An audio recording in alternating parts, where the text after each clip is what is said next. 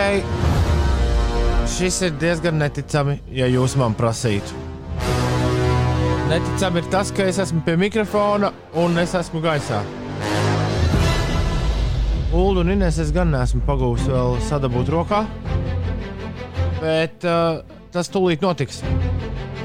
Mieru, tikai mieru. Jā, es pamodos pulksten 5,45 minūtēs. Vai jums tā ir gadījies? 15 minūtes pirms jums ir uh, jāiedarbina automašīna, vai arī drīzāk labāk salīdzinājums būtu jāiedarbina lidmašīna un jāceļas augšā. Es pēkšņi pavēru acis un skatos, ej, ir jau 5,45. Jo, Haidī! Johaidī ir īstais vārds. Jā. Nu, tad pa galvu, pa kaklu es metos jā, garāžas studijas virzienā, mēram šitā arī kliedzot. Oh, oh, oh! Izbrīd cauri sniegiem, kuri nav kļuvuši vairāk kopš vakar rīta.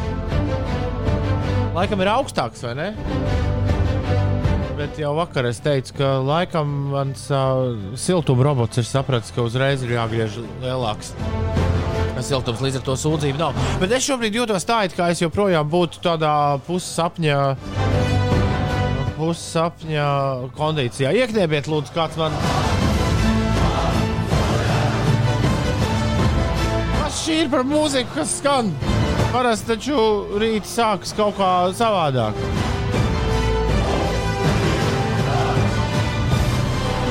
Šis ir interesants. Pagaid, pagaid, pagaid. Ja es visu pareizi atceros, tad šodien ir Jā! piekdiena. Super! Ar ko es arī jūs visus apsveicu no visas sirds. 293, 1202, kurš vēl ir pamodies, bijis pa vēlu šorīt. Padodiet, lūdzu, ziņu. Jā!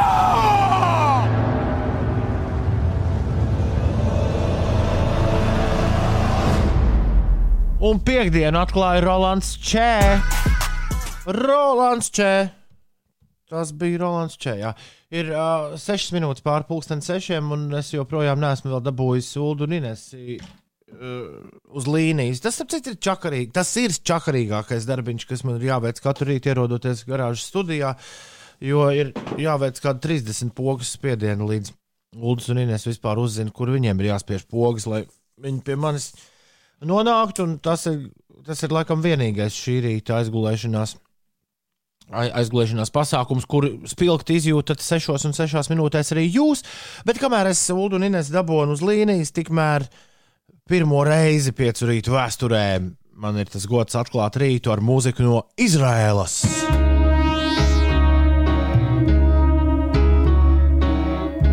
Labrīt, Ulu, labrīt, Ines. Labrīt! No kā jums mūzika no Izraēlas? Interesanti. Es īsti nedzirdēju, ko Ulrichs teica. Teica, spēcīgi, vai kaut kas īpašs stāsta par šo mūziku. Šis noteikti ir kaut kas tāds, ko es spēlētu sestdienas vakarā raidījumā, pēc klausās, kad pienāktu mana kārta. Es saprotu, tur ir uh, dēļ Māras slēgas uh, slimības lapas. Tur īsti nav skaidrs, man šķiet, joprojām, kurš rītdien spēlēs uh, savu mīļāko mūziku raidījumā, pēc klausās. Ļoti iespējams, ka es to atkal darīšu. Šis vīrs ir Oferis Kutlēls. Viņš ir dzimis ar mani principā vienā laikā, un viņam uh, ir uh, savs orķestris, ko sauc par Kutimanu orķestru. Viņu pašu sauc par kutina, uh, kutinā, kutināto vīru. Mm, uh, jā, Kutiman ir uh, viņa, viņa iesauka. Un uh, viņš ir uh, Izraēļu jā, mūziķis, komponists, producents un arī animācijas filmu autors. Uh, Un pērn viņam iznāca ļoti skaista platīte, kuras sauc Vačāgā, kur nonāca kaut kādā mistiskā veidā manā redzeslokā, un no tās jūs dzirdējāt dziesmu Masai šorīt. Šo kutimānu albumu Vačāgais es, starp citu, iekļauju savā ikgadējā, kur mēs laika, laikam neesam pieminējuši, it nemaz šogad, savā ikgadējā mīļāko albumu topā, kuru arī publicēju vis kaut kur. Uh, gada pēdējās dienās? Man tev īstenībā ir jautājums par to tavu gada publikāciju. Droši, droši. Kā tad vēl, ja ne par- tagad? Tu runā par uh, simt albumiem, vai ne? Ie.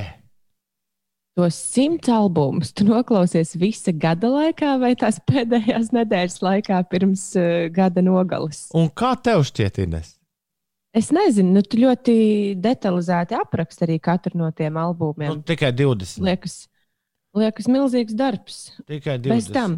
Nu, Ja tu esi kaut ko noklausījies, piemēram, pavasarī, kā tu pēc tam vari atcerēties, kas tur ir bijis skanējis? Vai tu uzreiz kā noklausies, tā tu uzreiz sagatavo nelielu aprakstiņu par to? pirmkārt, es aprakstīju 20 tikai.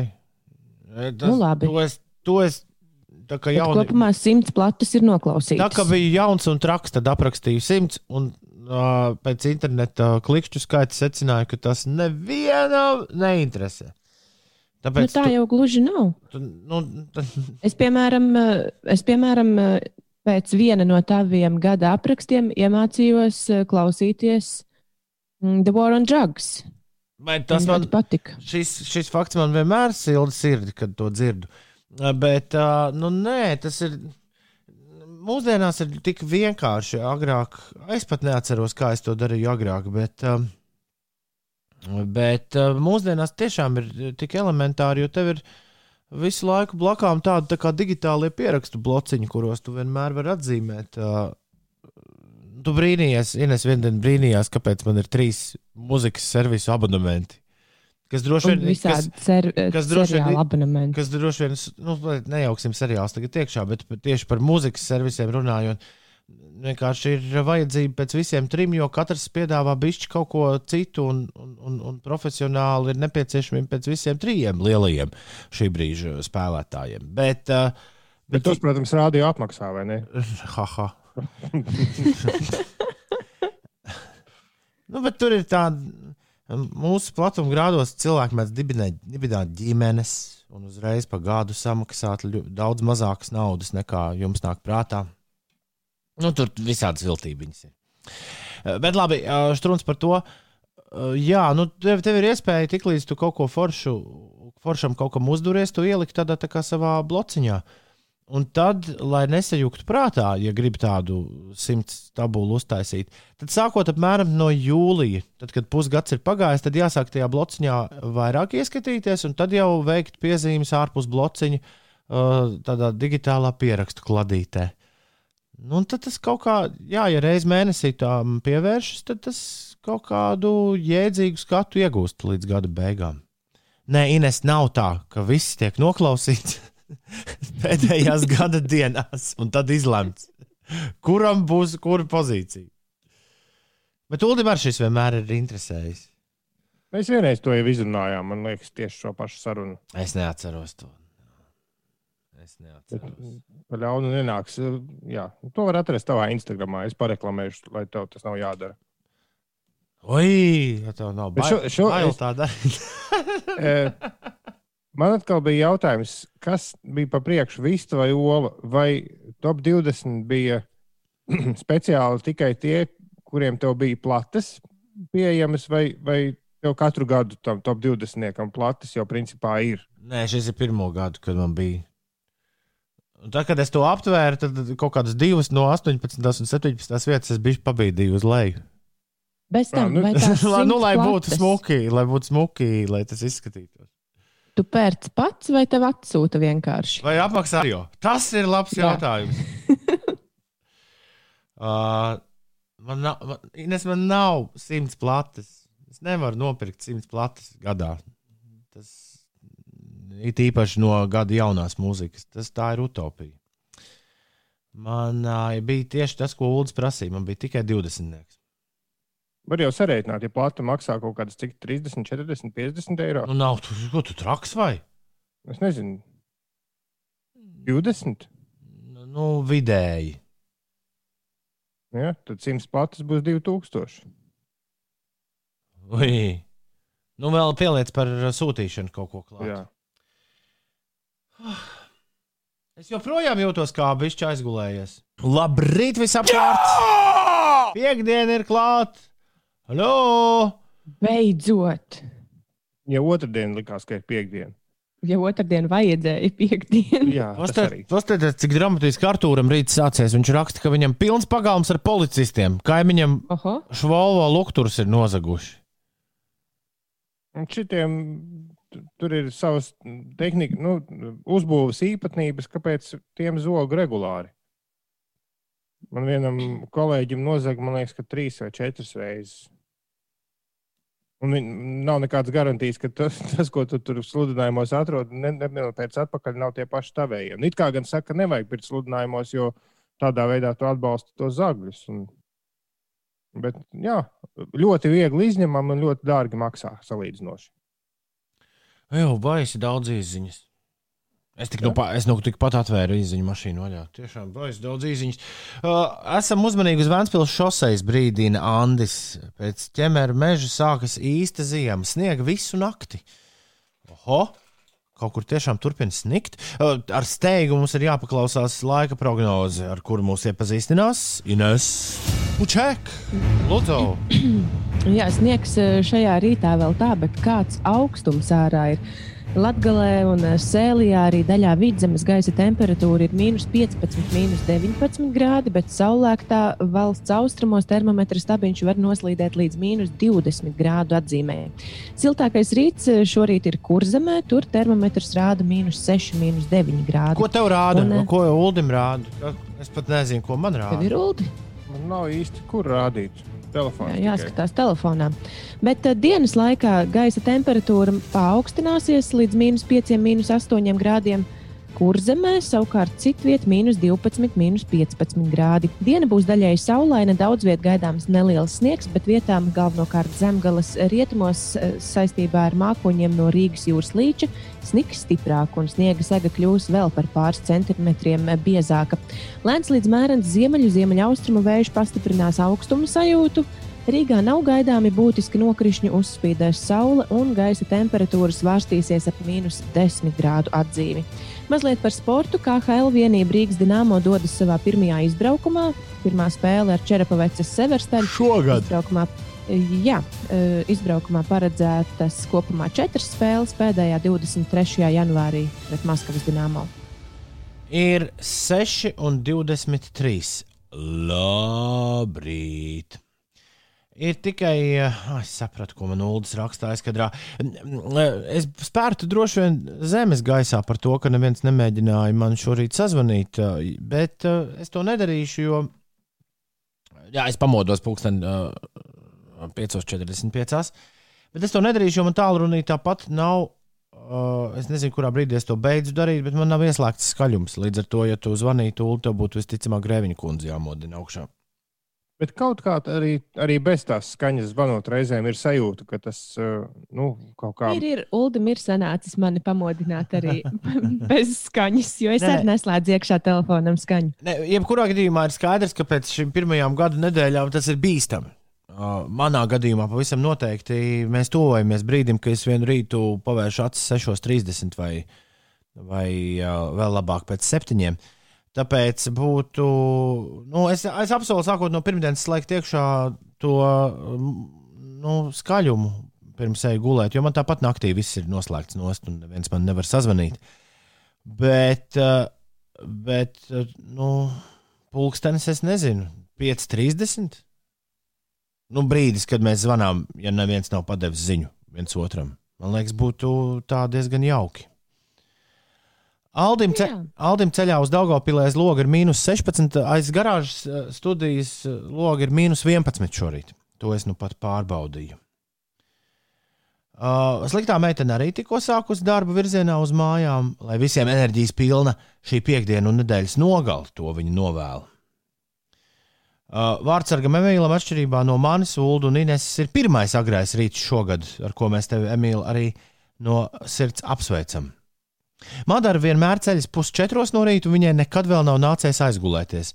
Pie viņas esot mīnus 24 šorīt. Kāpēc tik agri jāceļās? Un kāpēc tik augsts? Uh, Man aizlogi ir mīnus 10, bet uh, rāda, ka sajūtās ir mīnus 16. Mūrjāņos mīnus 15. Un Mārcis raksta, Klausoties piecus rītus, vienmēr abrīnoju tavu mūzikas izvēli un zināšanas par to. Tā tik turpināt. Jūs visi trīs vienmēr uzlabojat rīta garstāvokli, un ūdens ir super silts. Forši māri. Es gan nedrīkst, nevaru visu rītu kutī man spēlēt. Man te ir uh, jā, jāuzspēlē arī citu ļaužu mīļākās rīta melodijas, bet uh, tiešām paldies par to, ko atrakstīja. Runājot par uh, rīta mīļākajām melodijām, par citu ļaužu, piemēram, manam uh, vecākajam dēlam, vienu brīdi dēļ izstādes, kur viņš apmeklēja un kur šis skaņdarbs skanēja, vienu brīdi mīļākā dziesma bija šī. Uh, jā. Super lielais melnais caurums. Gribas taču pasmaidīt to izdzirdot, Ulu, ne? Jā! Nu, ko bišķiņi? Super lielais melnais caurums. Grupa Mūza no apvienotās karalistes tagad. Labrīt, Rīga! Labrīt, Latvija! Labrīt, pasaule! Nu, pat es teicu, šāds ir numurs studijā. Tieši kurā studijā?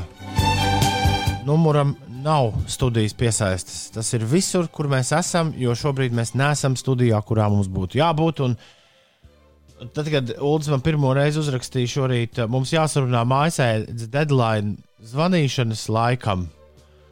Es iedomājos, ka mums ir jānolemj, līdz kuram jā, savstarpēji jāizdomā, līdz kuram datumam mēs turpināsim, turpināsim raidīt no mājām. Bet tā jau nu tas nav. Šis tagad turpināsies. Es atrodos savas mājas garāžā, Uldis ir uh, viesistabā, Ines laikam ir guļamistabā. Nē, es arī esmu viesistabā. Viesistaba. Kad te pēdējo reizi bija viesi? Ah, pareizi. Tev, pa, tu vienā teici, ka tev bija. Kad tev guļamistaba bija blakām, un tad jau iespīd gaismas logos, tad tās aiznesās arī Jā. uz tavu guļamistabu. Skaidrs. Esam visi. Termins no viesistaba. Visi trīs esam mēs no mājām. Nu, vairāk jau šo jāsauc laikam, par dzīvojamo istabu. Šodien pielāgšana sākas ja? mašīnām. Uh, uh, Cēsīs mīnus 15 artis tikko iekāpis auto un nesaprata, kāpēc ar pirmo reizi nepielēc mašīnu. Ar otro, ar otro gan viss ir ok, tā kā nav satraukuma par arti. Un taksists Dīdzis ir modies. Viņš saka, esmu darbā, lai kā centos no tā izvairīties. Auto logu šķidrums sasals. Tagad brauc meklēt smidzinātāju ar roku. Viņš raksta, ka divos dusus iegādājos sāls uz ielām drausmīgi aizķepinu logu. Ah, tu visu nakti esi darbā, Digi. Tā sanāk. Bet runājot par dus, par degvielas uzpildes stacijām, uh, runājot ar televīzijas šoferu, man bija liels, uh, liels prieks izdzirdēt uh, uh, apstiprinājumu aizdomām, kas man bija. Mājasēdes mm -hmm. uh, brīdī, tad, kad iestājas lielā mājasēde, tad, tad uh, šovakar tā iestāsies pulksten desmitos vakarā. Tad, kad nedrīkst iet ārā uz ielas, jo Uh, tad tur pienāks tev dzeltena vīriņa. Teiks, cik reizes mēs tev brīdinājām, jau visur viss teikts, tagad maksā 100 eiro. Vismaz ja tu normāli ar viņiem runā.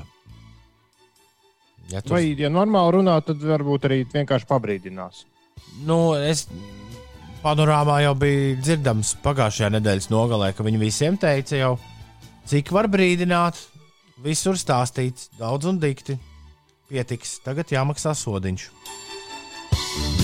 Tu esi dzirdējis stāstu, ka kāds būtu pagājušajā nedēļas nogalē izprucis sveikā cauri ar brīdinājumu? Es nē.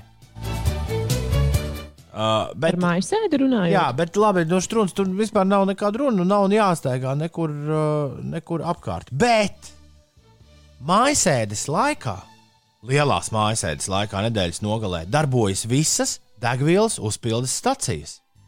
Respektīvi, ja uh, būtu nevis taksists, bet kaut ko citu vadītu, un viņam pēkšņi naktas laikā ir nepieciešams auto logu šķidrums, tad viņš var iebraukt degvielas uzpildes stacijā Un Latvijas galvaspilsētā, kā apgalvoja televīzijas šoferis, esot pagājušajā nedēļas nogalē darbojušās visas lielās degvielas uzpildes stacijas. Tā ka tur varēja nopirkt arī desu, kapēju un smieru. viņš vai ne pirmajā brīdī neiet kopā ar mājasēdes ideju, bet, nu, padomā pacūdi. Tev tā kā var gadīties kāda kataklizma no darba braucot mājās 11.20. Nu, jā, bet no darba jau braucot. Uh... À, es, es par, par tiem pašapliecinājumiem, ka tos vajag aizpildīt, nebūs problēma. Bet, nu, jā, diezgan daudz pašiem policistiem vai kaut kur iebraukt. Arī taisnība. Arī taisnība. Es šonadēļ esmu pavadījis lielu laiku televīzijas ļaužu, ne gluži kompānijā, bet tādā divu metru attālumā kompānijā. Jo kā katru mēnesi tika filmēta erudīcijas spēle jaunajiem cilvēkiem, gudrs vēl gudrāks šajā nedēļā. Tas nu ir noslēdzies. Tas ir arī viens no iemesliem, droši vien, kāpēc es, kāpēc es šorīt nedaudz aizgulējos. Jo, jo ir bijusi intensīva nedēļa, daudz intensīvāka nedēļa nekā citas nedēļas, kopš beidzās labdarības maratons dot pieci. Un ir tāda sajūta, ka spēka baterija tiek tērēta, tērēta un vēlreiz tērēta. Un, uh, jā, es vēlējos teikt, ka televīzija arī ir kļuvusi par uh, drošāko vietu uz planētas. Jā, mēs neviens gan nepiedāvā vadīt spēli no garāžas. Kā tas droši vien būtu Amerikas Savienotajās valstīs, kur ļoti daudzu šovu vadītāju atrodas savā mājās un no, vies, no, no kādas mukākas. Es domāju, garāžā man tiešām neatļautu. Nu, varbūt kādā smukākā vietā mājā Jā, tev vienkārši zaļo aizkariņu vajag aizmugurē. Jā, vai arī, vai arī. Bet, uh, bet tā kā visi spēles spēlētāji ir attālināti, un eh, praktiski es esmu viens pats studijā, un tur ļoti lielā attālumā ir operatori, kas visi ir maskās, tad, tad spēle tiek ierakstīta Zaķuselā. Bet Zaķuselā ir ieviesti ieviest jauni noteikumi. Un uh, tiešām Zaķusela kopš es pēdējo reizi tur biju, decembra sākumā ir pārvērtusies neticami. Ir ieviesti skāpīši visiem cilvēkiem, kas iet ēterā. Tas ir tik jauki. Es žēl, ka es to nenobildēju. Es neesmu pārliecināts. Es neesmu pārliecināts, ka es to varu. Es neesmu pārliecināts, ka es to varu tagad stāstīt. Es neesmu labi vien, ka es to nenobildēju, neieliku sociālajos tīklos. Bet iedomājieties, Ines, ka ir skāpīši, uz kuriem ir pilnīgi visu televīzijas seju vārdi un uzvārdi. Pilnīgi visi. Un katram, nu, es jau teicu, tā kā bērnu dārzā. Katram ir savs. Un katram ir izsniegtas divas lietas šobrīd. Komplektiņš ar uh, manikīru. Uh, nu, nevis manikīru, bet komplektiņš ar uh, nu, visām skaistumlietām. Tev ir savs pūderītis, savas uh, sejas krāsas un, un nu, viss, kas tev ir vajadzīgs, lai tevi nogrimētu. Lai tu pats nogrimētu? Nē. Nu, to tu arī vari darīt, bet, uh, bet tu vari iet uz grimētavu, bet tev jāiet ar savu komplektiņu. Aha. Un otra lieta, kas ir izsniegta, ir sava austiņa. Jo televīzijas specifika ir tāda, ka šīs lielās ausis, kuras mēs izmantojam, raidot uh, radio, nu, slikti izskatās TV ļaužu prātā. Kaut es ļoti labprāt ar šādām tur stāvētu. bet, uh, bet jā, ir jāliek tāda pavisam maza. Viņas ir kļuvušas mini, mini, mini, mini. Viņas, viņam tur ir dati, gājusi evolūcija priekšā. Viņas ir tādas tā kā mazas, mazas mušiņas. Tu viņu tā iekabini sev austiņā, un tad uh, tev visu laiku, kamēr tu vadi raidījumu, tev kāds kaut ko saka. Anekdotas stāsta. Nu, negluži, bet, bet arī tā mēdz gadīties. Jā, kaut kas uz to pusi arī, arī mēdz būt. Nu, lūk, tāda arī ir izsniegta sev. Un tad tu ej raidījumam, sakoties, tu pieeji pie skaņu režisora, izsniedz viņam savu kastītu, uz kuras ir ļoti glīti tur rakstīts. Un tā. un pēc tam tu to visu ieliec atpakaļ savā skapītī, aizslēdz, un tas gaidu tagad mēnesi gaidīs, līdz es nākšu atpakaļ. Un es ļoti ceru, ka es nebūšu pazaudējis skapīšu atslēdziņu, jo tad gan sāksies pigori tā atslēdziņa, tu droši vien pielicis klāt savām atslēgām ar rīķīti, vai ne? Negluži, bet es to esmu apņēmies neņemt ārā no metāļkabatas. Izklausās droši. Ines neko nesaka. Nē, bet ļoti forši es tās austiņas esmu redzējis Instagramā. Tās gan kolēģi ir likuši. Un tā ir, man liekas, jau sen vajadzēja. Un arī rādio sen būtu jābūt katram savām austiņām. Labrīt, nu, ir. Man ir savas. Radio? nu, nē, šeit. Nē, nu šobrīd jā, bet es domāju, tad, kad mēs uz vietas bijām, būtu jābūt gan katram savam skāpītam, kā tas ir lielās radiostacijās, gan savām austiņām. Taisnība. Es, starp citu, šī ir viena no manām pirmajām atmiņām vispār par radio. Tad, kad radio Latvijā sākās, un uh, manā apziņā radio sākās 93. gadā ar radio HVS, labi, labi, nu, ko es tam mehā sauksim lietas. Esam pietiekami nobrieduši, lai sauktu lietas īstajos vārdos. Radio sākās ar radio SVH, un, un, un pa televizoru rādīja bieži vien tajos pirmajos viņu darbības mēnešos, kā viņi izskatās. Un viņiem bija lielas ausis, tādas tiešām lielas ausis, un tām klāt nāca tāds, man liekas, tagad sportā tādus izmanto. Bija tāda stīpa, kurai galā bija bumbulis un bija mikrofons. Un likās, ka īsts radio dīdžers ir tieši tāds, kuram ir šādas ausis, kad savādāk nemaz nevar būt. Vēlāk es uzzināju, ka to rimbuli var ļoti glīti celt uz augšu, uz leju. Bet jā, viņiem bija tās lielās ausis un tas mikrofons, kas uzreiz klāt, kas nozīmē, ka tu vari Tev nav tā kā es tagad uh, esmu pie nu mikrofona. Ne, nu, pagāja laiks, līdz vienkārši inženieris, uh, kurš ap citu bija tajā laikā tieši tas pats inženieris, kas ir mūsu inženieris. Uh, viņš bija iestāstījis visiem, viņam izdevās iestāstīt visiem pirmajiem diskžokējiem, ka tas bumbulis, kas ir tās stīpas galā, ir baigais strunts. Nu, kas tā arī bija, nu, tāds maziņš. To nevar salīdzināt ar to mikrofonu, kurš, piemēram, ir man un Uldim šorīt priekšā, kas ir viens no leģendārākajiem pasaules raidīšanas mikrofoniem un domāts, lai lieliski attēlotu radiopersonības balsi. Nu, jā, bet uh, likās, ka tās ausis ar to mikrofonu ir vissvarīgākā lieta, kādai radiodīdžiem ir jābūt. Un jau toreiz, esot 11, 12 gadu vecumā, es aizdomājos par to, ka kā tas ir. Viņi, droši vien viņiem katram ir savas tās ausis ar mikrofonu, jo savādāk taču ausis piesvīst, uh, un mikrofonu to maziņo. It īpaši, nu, iedomājieties, ka viņš tev stāv visu laiku priekšā. To tak piespļauda. Tas tak nav higiēniski. Es atceros, es kā mazs puisis šo pirmo iedomājos. Un droši vien, ka viņiem nebija katram savas ausis. Droši vien, ka nē, jā. Bet, bet es novēlu Ulu, lai, lai visiem ir katram savas lietas. Tiešām atgriežoties no pandēmijas.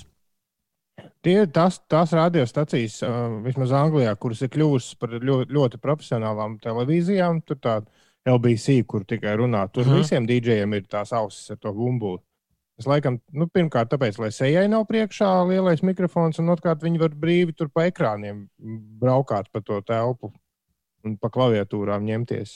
Es redzēju vienu bulgāru televīziju, radio, radio kur rāda pa televīziju kur viņi pat bija tik tālu samierinājušies, ka piesprāduši vienkārši mazo šito mikrofoniņu dīdžiem. Un kaut, kā, un kaut kā dabūjuši labu skaņu ārā. Jo tas neizklausījās nu, tā no malas, tajā prezentācijā, ko es skatījos. Tas gan bija pirms diviem gadiem Radiodejas konferencē. Tajā prezentācijā, ko es skatījos, nebija nekāda vaina. Un pēc tam viņi teica, ka jā, nu, there are sacrifices we have to make. Labi, rekur no, lai mēs ma mazliet atgrieztos atpakaļ un uh, nomazgātu policijas vārdu tīru, es atradu par to laiku statistiku par vienu nakti pagājušajā nedēļā, par nakti uz sestdienu un par, par tiem nu, pārbaudēm, tiem, kas nesēž mājās. Pārbaudīja 713, 7313 personas, no tām 5500 bija tie pašapliecinājumi. Jā. Un, un tātad no atlikušajām 1508. Nu, var sakot, 1500 cilvēkiem ir vienkārši aizrādīts, un 600 ir, uzte, 600 ir protokoli. Jā, es, jā labi. Nu, tad televīzijas propaganda spēlē uh, jā, ar mani. Nē, nē, nu, tas ir forši, kur runā par tiem lielajiem Iepriekš... sodiem. Bet, nu, arī viens no lielajiem virsrakstiem saistībā ar mājasēdi bija tāds, ka nu, tāds žēlošanas laiks ir beidzies. Visi skaidri zina, ka ir jābūt mājās tajā laikā, un, ja tev nav nopietni iemesli būt ārā uz ielas, nu, tad tev gaida sots. Es atslēgas pazaudēju. Cepuri kaut kur no skāpīšu atslēgu, kas bija mēteļa kabatā, un tagad te... eju meklēt. Tu gāji meklēt cepuri ar cepuri galvā. Jā, man ir cepuri. Ej, no ej. Es, Bet, nu, nu, nu, nu, nu. Nē, nē, es par to, par to skāpīšu atslēgu uztraucos. Pieliec pie kaut kā, pie kaut kā klāt. Labi. Es, mēs tik ilgi runājam, ka es jau sāku ēst mandarīnu. Jā, Ir laiks dziesmai. Nē, ir laiks Inesē, jo pastāstiet, cik ir pulkstenis. 6,43. Inēs, kas notiek? Saistībā ar jauniem noteikumiem, kas paredz visiem iebraucējiem nodrošināt apliecinājumu par negatīvu COVID-19 testu no šodienas caur lidostām, ostām, ar autobusiem un dzelzceļa transportu, būs atļauti starptautiskie pasažieru pārvadājumi Eiropas Savienības, Eiropas ekonomiskās zonas robežās, kā arī no Šveices un apvienotās karalistes. Jau ziņots, ka no šodienas, lai ieceļotu Latvijā, arī ir nepieciešams apliecinājums par negatīvu COVID-19 testu, kas ir veikts nevēlāk kā 72 stundas pirms ieceļošanas. Noteikumi stāsies spēkā vienlaikus ar līdzīgu regulējumu ieviešanu Lietuvā un Igaunijā, un lidostas Rīga pasažieru zonā esošo ēdināšanas un tirsniecības vietu darba laiks netiks ierobežots atbilstoši valstī noteiktajai kārtībai. Tur visiem būs jāstrādā atbilstoši pasažieru plūsmai. Tikmēr Lielbritānija gan ir paziņojusi, ka aizliedz ieceļošanu piemēram no Dienvidamerikas un Portugāles, bažījoties par Brazīlijā konstatētu jaunā koronavīrusa paveidu. Un, kā jau mēs iepriekš runājām, tad ņemot vērā ar valdības pieņemto lēmumu, kas nosaka, ka šodien, eh, un 16. janvārī, tāpat arī 22. un 23. janvārī, ir paredzēta mājas sēde laika posmā no 10. vakarā līdz 5. rītā. Tad šajā laikā Rīgas satiksmes nodrošinātais sabiedriskais transports kursēs līdz pulksten desmitiem. Pēdējais reizes tātad izies uh, desmitos un aizbrauks līdz gala punktam. Es vakar vakarā dzirdēju, ka frančiem būs 6 līdz 6 katru dienu. No 6 vakarā līdz 6 rītā šis pats. Tā kā, ja kāds grib sūkstīties, ka oh, neļauj dzīvot un brīvību apspiež, tad uh, priecā, priecājieties, draugi, ka jūs neesat franči. Interesanti, kur pārbaudīs to apliecinājumu. Tas būs droši vien, droši vien jau čekojoties iekšā. Bet daudz jau vairs nečekojas mūsdienās. Hmm. Es domāju, tieši no tādas lidostas. Tā, jo, ja tu atgriezies un to dara muitnieki, tad uh, baigi ilgi tas prasīs. Kaut gan man nav nekāda jausma par. Es tagad vienkārši aizdomājos. Man nav nekāda nojausma par to, kā tieši šobrīd, cik lielas plūsmas plūst caur lidostām. Vakar es skatījos kolēģa nu, Edgara Ginska ziņojumu viņš uz Hongkongu devies. Nu, viņš tur studē, studē dzīvo principā. Un, jā, viņš stāstīja, tur izdeva tev visādas, ja tev iedod maizītes un, un kaut kādu aproci ar čipu, ko tev būs turpmāk jānēsā un visu kaut ko. Un tad sēdi, gaidi tur kaut kādas četras stundas, ja, ja paveiksies. Kamēr tur viss dokumentus apstrādā un viss. Tas ir tad, kad tu galā esi nonācis. Jā, jā tur tests arī jātaisa. Ceļošana šobrīd nav baigi patīkamā padarīšana. Auč. Laika mašīnā tagad būs ēterā. Ļoti naiva rotaļa, kur pieprasa tās spēlēšana, pieprasa goda prātu, neieslēgt kādu mūzikas noteikšanas mašīnīti. Jo laika mašīnā mēs 2021. gadā klausāmies lielus grāvējus no popmūzikas vēstures. Bet jāatmin, ir nevis gads, kuros tie bijuši modē, bet gan kas tos izpilda. Vai šāda spēle 90. gada sākumā iet uz urā radio eterā?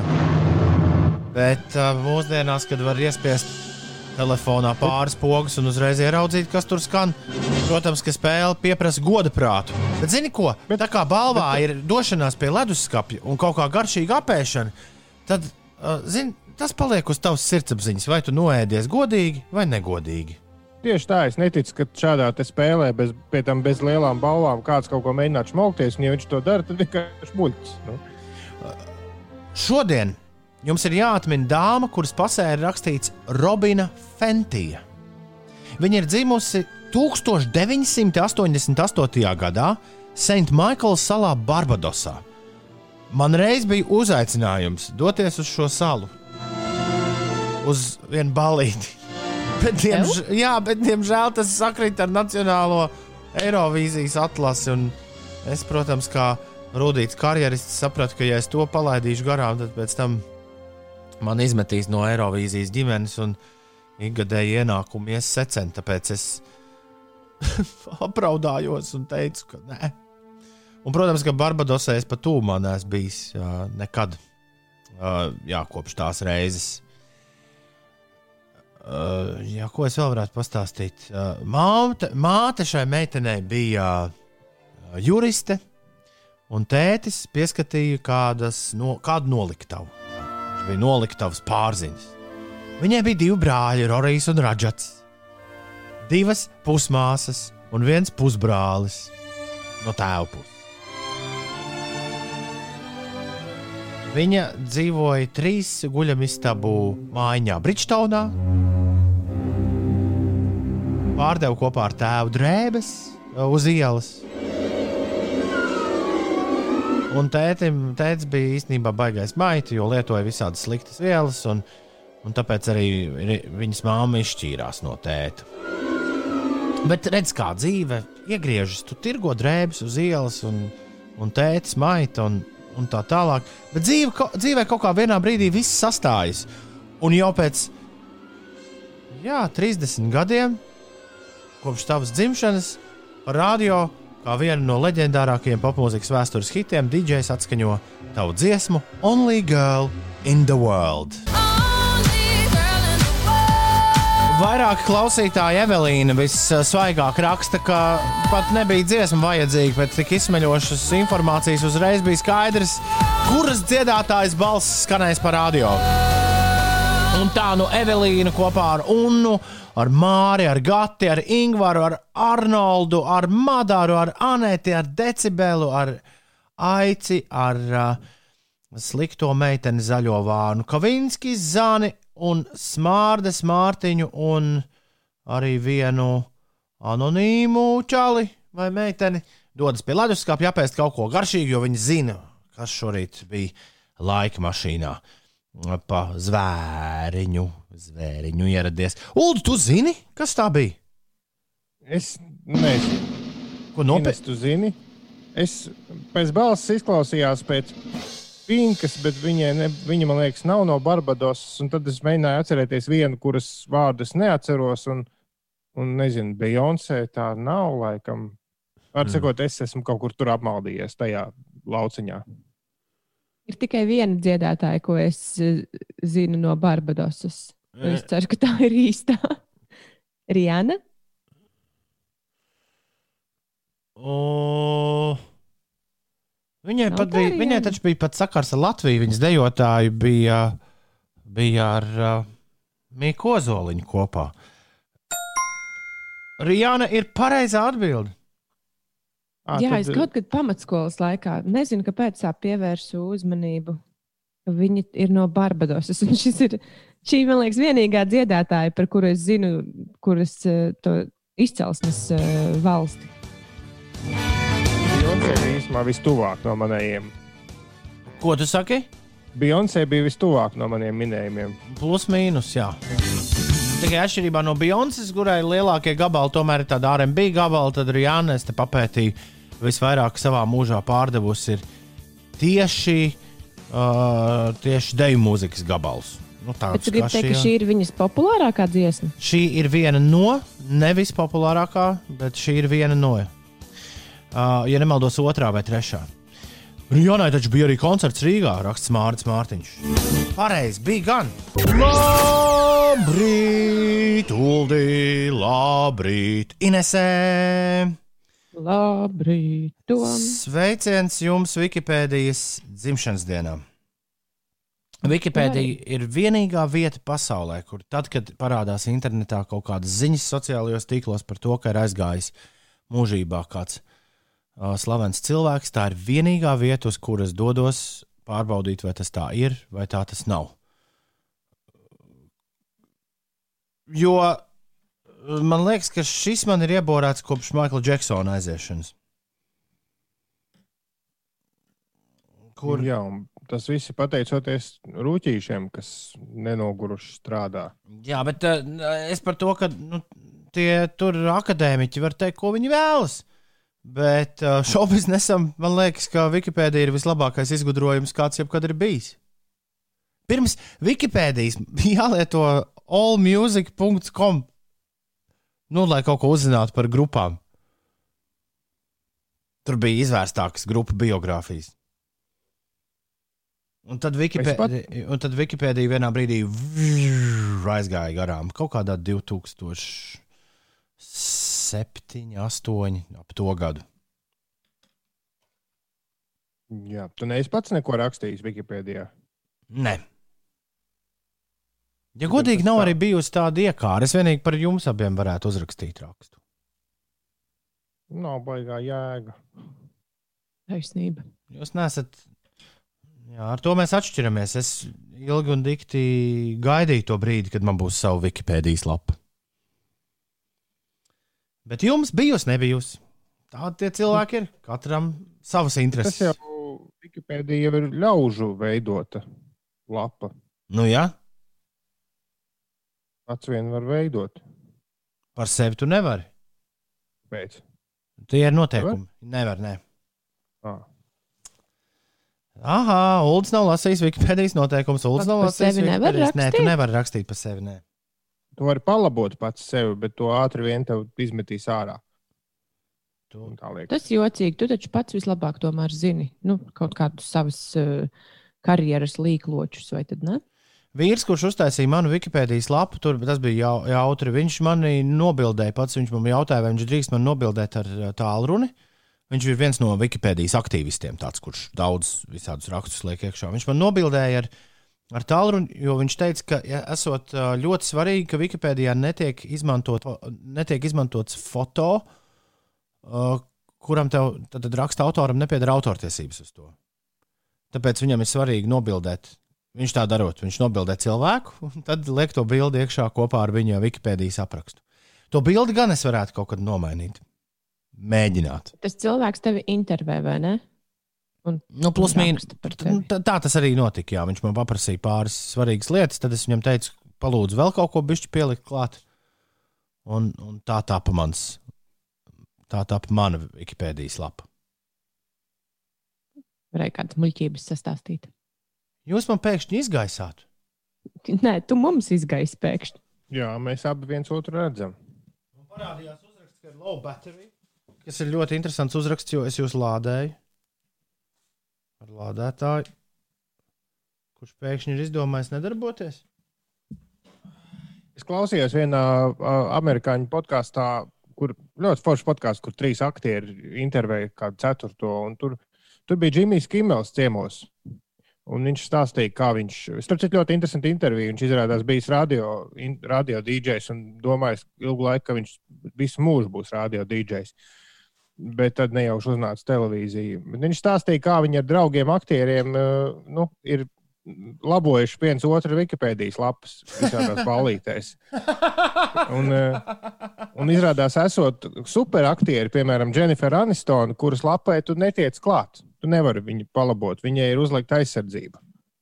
Un tu, to tu kaut kā, ja tu esi slavenība kaut kādā veidā, viņš saka, viņam, protams, tas nav, bet kaut kāda superaktieri esot aizsargāti, tādu, ka tu nevari sarakstīt. Ah, bet tas nozīmē, ka tam var būt starpā lielās. Nē, bet kas tev būt... ir, kas tev ir, un viens saka, bet tas tad arī izskaidro to, arī to mm, slaveno ļaužu nāves faktu konstatāciju, kas ir vienmēr vistrāpīgākā tieši Wikipēdijā. Uh, Tas arī droši vien to izskaidro, ka tādiem superlieliem ļaužiem ir tikai kaut kādiem superlieliem redaktoriem iespēja uh, nonākt un kaut ko izmainīt tajās viņu lapās. Mēs par šo esam aizrunājušies jau nedaudz par garu, bet tas ir normāli, jo piekdiena, piekdienās, tā, piekdienās tā kvartā bišķi, nu, vaļīgāk. Es ceru, ka tā var. Ir 7 un 11, un vēl es ceru, ka mēs visai drīz mēģināsim Instagramā pierunāt izžokēju kas pagājušā nedēļa man iedzina nedaudz uh, tādā sirmu matu sajūtā, bet, bet varbūt mēs šoreiz tam sagatavosimies tā laicīgāk. 11 pār 7. Jā! Labrīt, piekdienā! Nedēļas nogale ir klāta! Nedēļas nogale ir klāta! Jāsāk visai drīz tā mums sumināt, bet jāizdara pirms tam vēl ir kaudze ar darbiņiem. Es domāju, ne man vienam, bet arī jums tieši tāds pats liktenis. Felicitai un Feliksam šodien vārdu svētki. Čau, Felicita! Čau, Feliks! Andrim Mauzānam! Kādreizējam LMT ziņu moderatoram šodien dzimšanas dienā Andri daudz laimes! Bijušajam Latvijas radio ģenerāldirektoram Aigaram Semēvicam daudz laimes. Olimpiskajai čempionai, trenerei kamaniņu sportā Verai Zozuļai daudz laimes. Aktierim Kasparam Kārkliņam, basketbolistei Aijai Putniņai, latviešu hokeistam Krišjānam Rēdlikam, diskžokējam ar lielo dēļu Egonam Reiteram. Egon, lai viss tavā dzīvē bez tabū. Ja? Amerikāņu aktrisei Reģīnai Kingai. Pitbullam, Skrileksam un Zintim Žvartam, saksofonistam. Daudz laimes. Klausies, Re, kā mēs.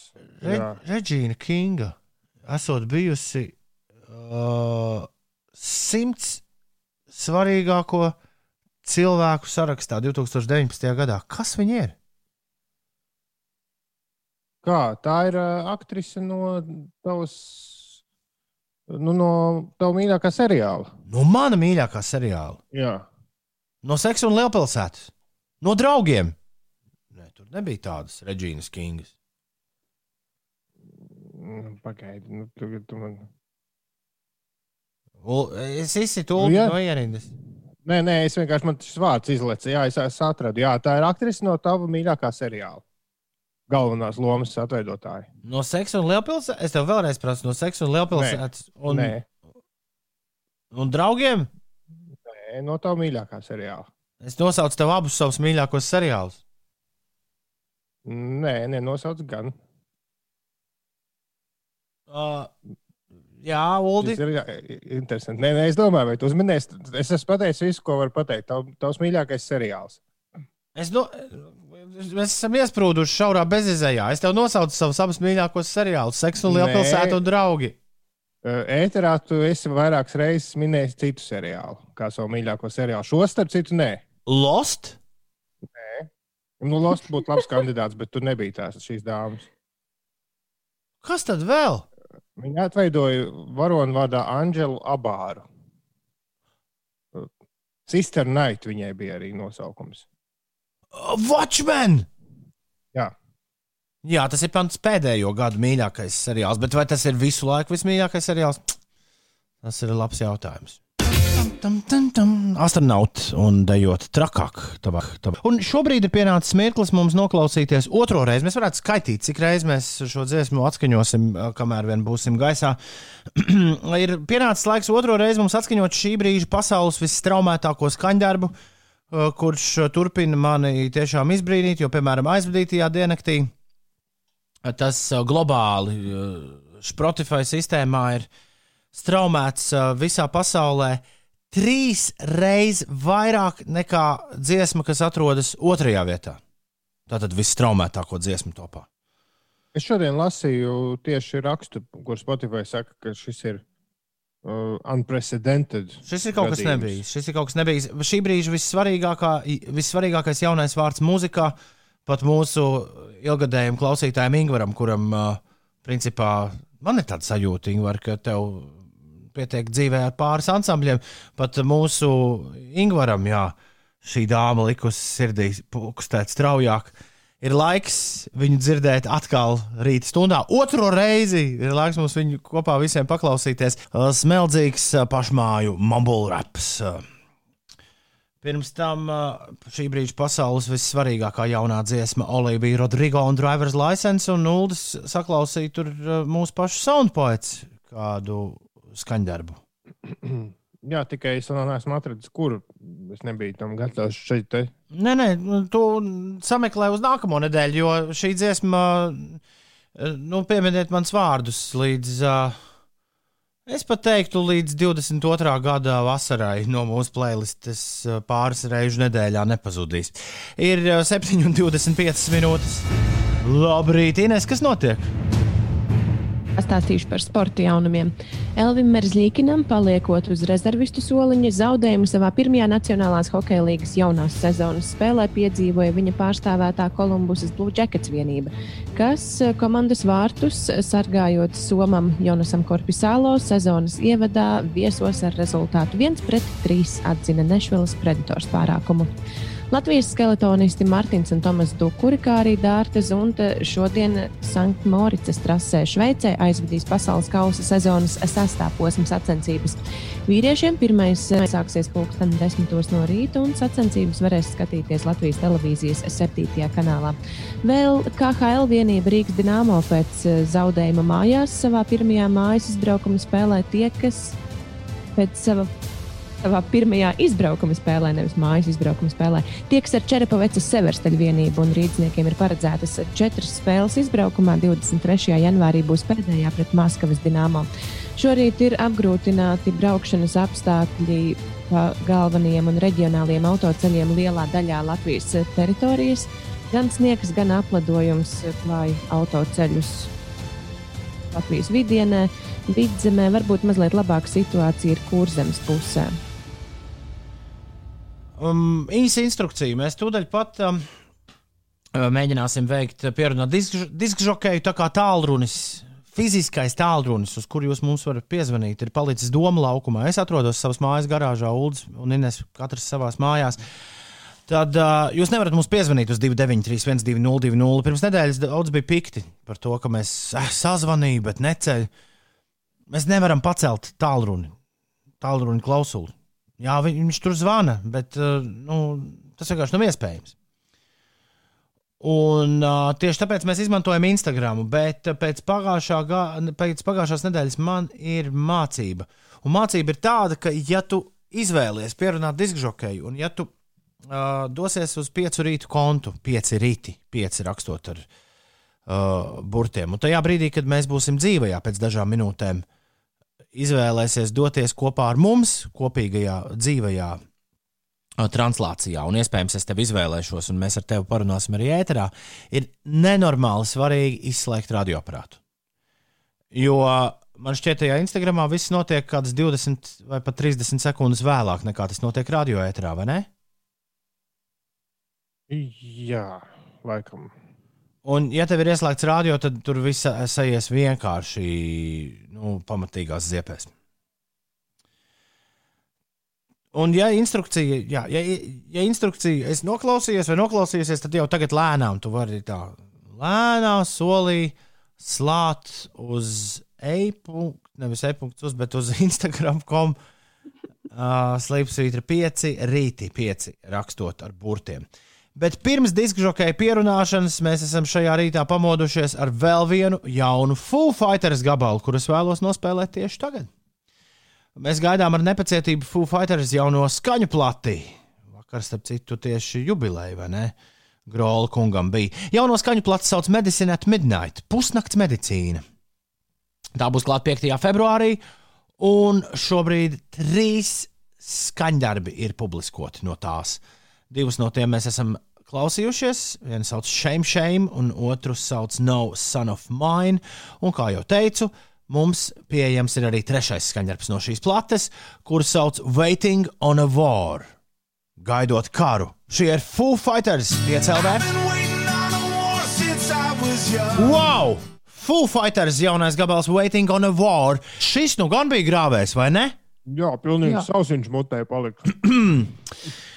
Uh, tā, es esmu visu izdarījis. Mēs esam dzīvajā Instagramā. Mums ir 11 skatītāji, 5 rītu kontā. 5. Es ceru, ka es nospiedu no īstā kontā uh, dzīvo tiešraidi. Tas no ir, tas ir labs jautājums. Uh, uh, jā, jā, jā, jā, jā, jā no apstiprinājumu tikai jūs varat pateikt. Uh, jā, es redzu, te sāk cilvēki parādīties. Ja kāds vēlas pierunāt tagad diskžokeju, tad jūsu uzdevums ir uh, piespiest podziņu, kurā ir rakstīts, ka jūs vēlaties ar mani kopā iziet kopīgā tiešraidē. Un tad mēs uh, varēsim veikt uh, diskžokeju pierunāšanas procedūru. Es ceru. Izslēdziet radio, ja jūs arī radio klausāties paralēli. Ir piekdiena, un piekdienā kādam no jums ir jāpierunā diskžokejs diskžokei, kur šodien ej. Es gribu iet tev līdzi un visu nakti dējot diskžokei šai pasaulē. Lai logiem rūtis trīc, lai nemanot nāk rīts, bet vakars vēl pats sācies nav. Un tu tā kā sapnī smaidi jau diskžokei, viss jāpaspēj, lai nepienāk galšai. Un diskžokejs sauc, hei, hei, hei! Ienāc Instagramā, atver pieci rīti, izvēlies, skatīties dzīvo tieši raidī un palūdz pievienoties tai. Un varbūt tad tev būs iespēja izvēlēties kādu savu superhītu. Diskžokejs no garāžas ir gatavs tagad palaist kādu dzīvē. Jā. Tā mums ir. Mums un Ines un Uldi ir Toms, Nelda, Ivo, Baiba, Andis, Rožu Pičus un Jānis pieteikušies pierunāt diskžokeju. Metīs kauliņu Uldi. Piedara aizvērtām acīm, un tad jau būs. Ok, spiež ar aizvērtām acīm. Tas nav pārāk labi, jo es visu laiku apgāžu tajā brīdī. Uh, ah, es tajā brīdī apgāžu telefonu. Nu, Jā, es spiežu ar taču radio neviens neredz. Uh, Instagramā redz. Inst Instagramā redz. Tā, man, es kaut ko nospiedu. Es baibucīti nospiedu netīšām. Uh, mēģinam pievienoties baibucītim. Baibucīts izskatās galīgi pēc tāda. baibucīti pasa pasaka kaut ko. Ir baila. Ā, re, kur ir baibucīti.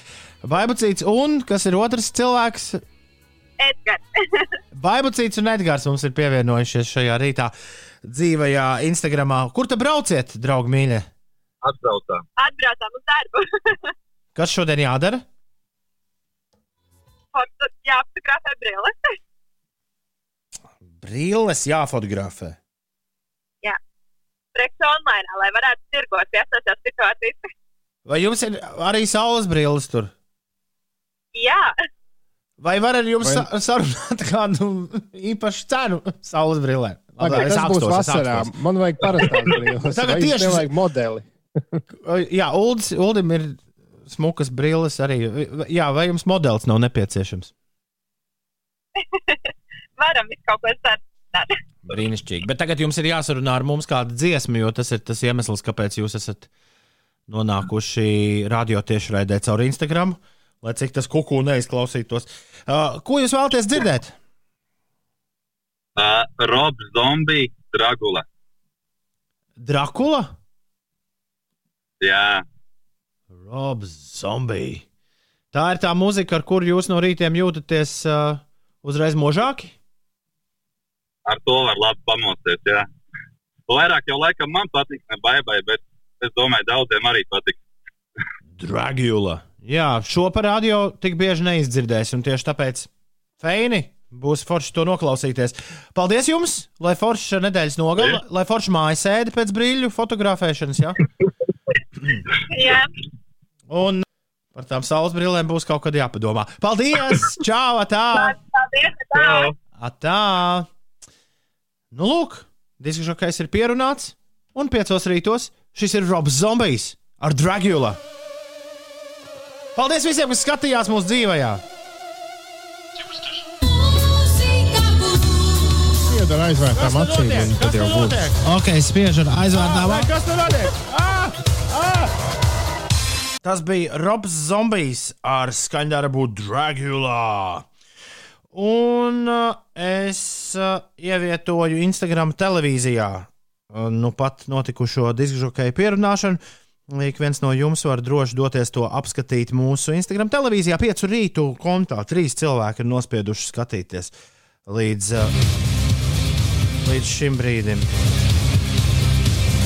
Ah, es sapratu, kur ir suns aprakts. Man skan uh, turpat, kur man ir Instagram, tur man skanēja arī mūsu tiešraidi, bet nu, tāda labi nobīdīta. Tāpēc mēs tur sākām pēkšņi runāt kaut kādā vienā brīdī.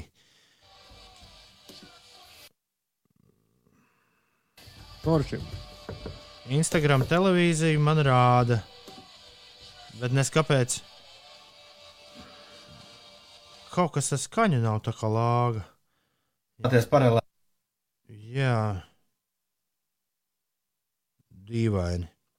Uh, labi, uh, to pētīsim vēlāk. Galu galā 7,43. Tagad uh, Inesē jāstāsta, kas notiek. Ines, lūdzu, Vairāk spriedzes, mazāk seksa. Tāds ir virsraksts lasāms otrādi eh, Latvijas ne, Latvijas sabiedrisko mediju vienotajā portālā LSMLV ir izpētīta Latvijas iedzīvotāja seksuālā dzīve Covid-19 laikā. Un tie, kas grib kārtīgi iepazīties ar pētījumu, tie var to lasīt LSMLV, bet nu, tāds kopējais secinājums ir, ka cilvēki ir izjutuši lielāku spriedzi šajā laikā, līdz ar to uh, ir bijis mazāk seksa un esot ar to bijuši arī mazliet vairāk neapmierināti nekā uh, parasti. Tālāk uh, par vēl aktuālo šobrīd, arī šovakar no pulksten desmitiem vakarā līdz pieciem rītā ir paredzēta mājas sēde tieši tāpat kā no 22. līdz 23. janvārim. Un šajā laikā Rīgas satiksmes nodrošinātais sabiedriskais transports kursēs līdz pulksten desmitiem vakarā. Tātad pēdējais reiss izies pulksten desmitos un aizbrauks līdz uh, gala punktam. Vēl no šodienas lieceļotu Latvijā būs nepieciešams apliecinājums par negatīvu COVID-19 testu, kas ir veikts nevēlāk kā pirms 70 no ieceļošanas brīža. Uh, noteikums stājas spēkā vienlaikus arī ar Lietuvu un Igauniju, un saistībā ar šiem jaunajiem noteikumiem tātad ir jābūt negatīvam COVID-19 testam Un cilvēks var ceļot caur lidostām, ostām, autobusu un dzelzceļa transportu Eiropas Savienības robežās, arī uz apvienoto karalistu un Šveici. Nu, lūk, un, nu, draugi mīļie, jāprasa man ir Uldim. Tev to, nē, nevis jāprasa, bet man tādā uh, pamatīgā, uh, skaļā balsī jāsauc. Tev to vajag! Un, tev to nevajag. Uldim jāsaka, tev to nevajag. Labi, stāsti, nu, stāsti nu, Uldi, ko mums vajag un ko mums nevajag. Jo ir piekdiena. Nedēļa. Jā, piekdiena. Piekdienās mēs tā darām. Jā, un šī ir nedēļa, ko gai, tev to vajag, tev to nevajag. Pasaulē tiek gaidīts visu gadu.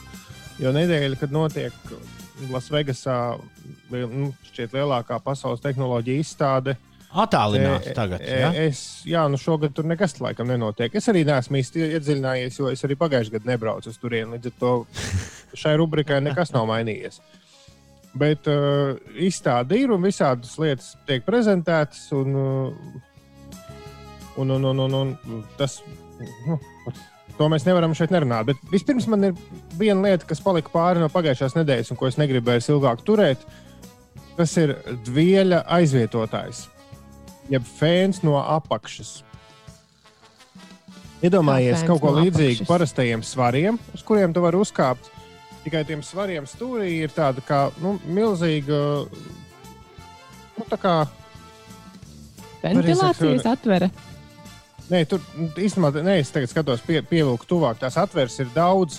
Var sakot, tādi kā biezi, lieli svari uzkāpjamie, kuriem no apakšas pūš gaisu. Nu, tu vari izžāvēt sevi no apakšas. Bildē, kad ir parādīts nu, jā, nu, tu izžāvēji. nu, nu, no, nu, tā ir kā vējš pūš no zemes. Nu, ko tu tur izžāvēji? Vai tā var izžāvēt matus? Es nezinu, bet viņi to sauc par body dryer, jeb ķermeņa žāvētājs. Labi. Nu, jā, tur Varbūt ir arī steidzīgajiem kaut kas tāds ir vajadzīgs. Tur ir bildē ir sunīts novildēts, ka ir uzlikts uz tiem svariem. Nu, var jau būt, jā. Var sunīti, var poliņus vai vēl kaut ko žāvēt. Labi. Un tagad pie CES jaunumiem. Protams, ka toaletes tēma ir ļoti plaši pārstāvēta, jo mājās sēžot, kas gan cits ir aktuālāks kā toalete un vanna. Un par 16,000 dolāru. 16,000 dolāru. Tā jau ir lieliska. Jā, tu vari nopirkt īpašu kvadrātveida vannu. Yeah!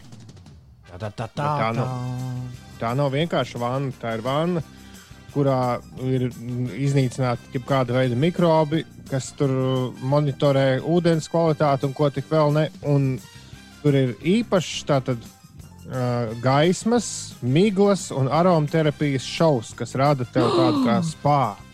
Varbūt man tādu vajag. Jā, tu ietaupīsi to naudu uz ūdens mitrinātāju, uz gaisa mitrinātāju, jo šis noteikti samitrina arī gaisu.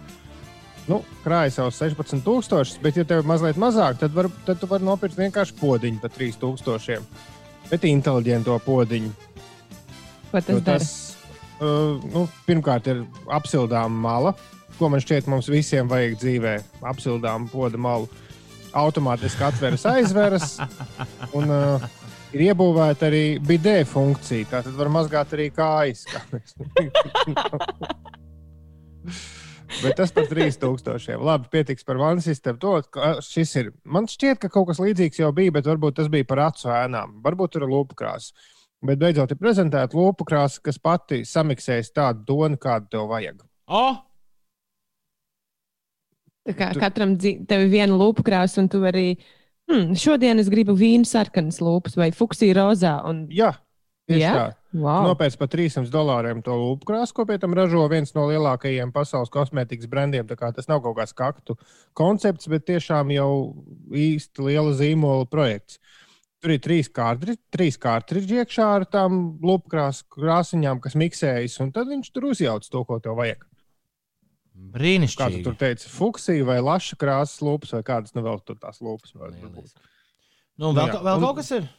Nu, un tad, ja tev ir vēl 3000 dolāri palikuši pāri, tad tu vari iebūvēt suņu durtiņus par 3000. Viņas pašas sveras vaļā. Nē, tu tās vari atvērt attālināti. Tām ir Ah. iebūvēta webkamera, kas tur rāda visu laiku, kā tev suns lec iekšā ārā. Tu vari arī ar suni parunāties, un suns var parunāties ar tevi, jo audio abos virzienos iet. Un uh, var arī sunim uzlikt īpašu kaklu saitīt, kas tās durvis aktivizē. Nu, var sakot, suns, suns varēs pārvietoties tā kā seriālos par nākotni. Tā kā ķēniņš, tā kā ķēniņš. Tev to vajag. Tev to nevajag. Tā, Uldīnēs, jūs tur esat, jums viss kārtībā. Jā. Vienā brīdī benzīna tanka lādētājs bija atkal izdomājis āboļu aparātu, no kura jūs nākat ēterā nelādēt, bet uh, tagad laikam viss lādējas un viss ir forši. Uh, Ines, tu mums stāstīsi, kādus kursus tu apgūsi šodien? Vai tas ir kaut kas jauns tavā dzīvē?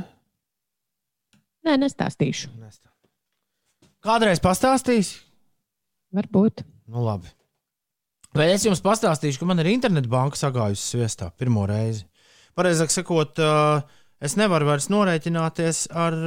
Vakar pēkšņi tas notika vienā brīdī. Es nevaru norēķināties ar, ar virtuālajām kartēm internetbankas aplikācijā. Es sāku lasīt dažādus. Uh, nu, es, es aizgāju uz savas bankas uh, Twitter kontu, domāju, varbūt tur kaut kas ierakstīts, bet tur nekas nebija ierakstīts. Un tad, kad šis atkārtojās, arī nu, pirmā ķibele man bija pusdienas vakar televīzijā iegādājoties.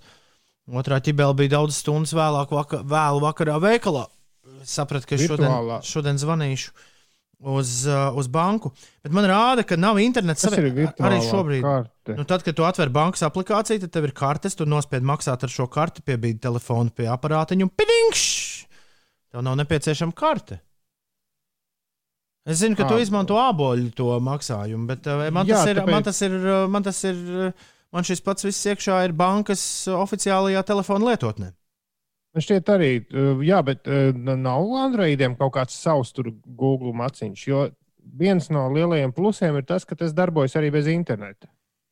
Šiem arī te vajadzētu darboties, bet man rāda ļoti interesantu uzrakstu, ko es ieraudzīju pirmo reizi. Nav interneta savienojumi, iespējami trīs maksājumi, bet tad, kad es veicu maksājumu, tad otrā pusē parādās atteikts. Un es no Mhm. šī aburtā loka nekādīgi nevaru tikt vaļā. Ja kādam ir gadījies līdzīgi, un varbūt to var atrast ātrāk, jūs varat par to padot kādu ziņu. Es pārinstalēju aplikāciju un aizgāju. Banka arī neko nevarēja palīdzināt, raksta Valdis. Tad varbūt pie tā arī paliekam. Es noinstalēju, nost uzinstalēju no jauna. Es tikai ceru, ka tur ar tiem šmārta šmaidī nekāda brīnuma nebūs. Tev būs jāielūgojas no jauna, vai nu paroli, vai nu tas tur. Ir uh, 8 minūtes pāri pusdien astoņiem. Labrīt! Ir labas ziņas, draugi, piekdienā. Jā! Jāceļas augšā un jāsāk darīt piekdienas lietas. Viena no piekdienas lietām, kas ir jādara, ir jāspēlē Toma tests, bet man vēl ir jāsabīd jautājumi pareizā secībā. Es to neesmu pagūs izdarīt. Man bija paredzēts Toma testa laiks no 6.30 līdz 6. Nē, no uh, 5.30 līdz 5.50 šorīt, un es to ļoti veiksmīgi nogulēju. Tūlīt sabīdīšu jautājumus, un kodiņš jums būs burtiski pēc vienas dziesmas. Bet šorīt neaizmirst apsveikt vārdu svētkos Felicitu un Feliksu. Andrim Mauzānam sveiciens dzimšanas dienā, kādreizējam leģendāram LMP ziņu moderatoram. Aigaram Semēvicam, bijušajam Latvijas radio, radio ģenerāldirektoram, ir dzimšanas diena. Olimpiskā čempiona treneris kamaniņu sportā Vera Zozuļa šai dienā dzimusi. Daudz laimes arī aktierim Kasparam Kārkliņam, basketbolistai Aijai Putniņai, hokeistam Krišjānam Rēdliham, radio leģendai Egonam Reiteram.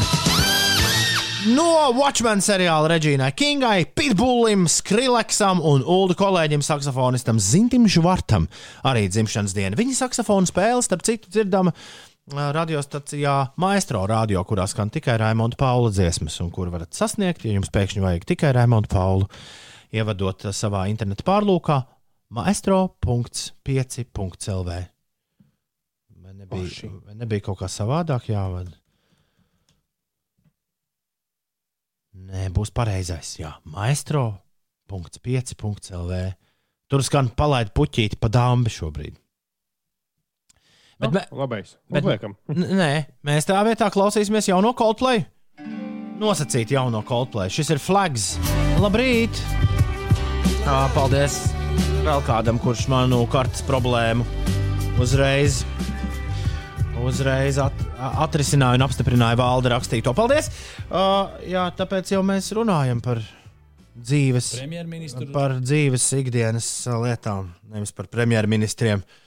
Lai viens otram kaut kā palīdzētu, un tad, kad citiem šādi gadīsies, tad viņi arī atinsta, atinstalēs, uzinstalēs no jauna un viss aizies. Par kas tik smieklīgs šajā, ko es saku, Ines? Nekas. Paskatīsimies, kurš smēsies pēc tam, kad Toma tests būs izpildīts šorīt.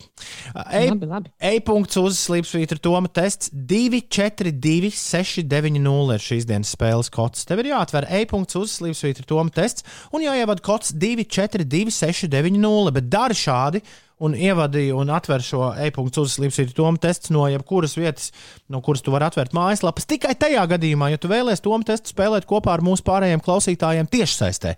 Ja tu vienkārši vēlēsies uzspēlēt, to tu varēsi darīt arī bez uh, tiešsaistes. Kas ir tomu tests, Uldi?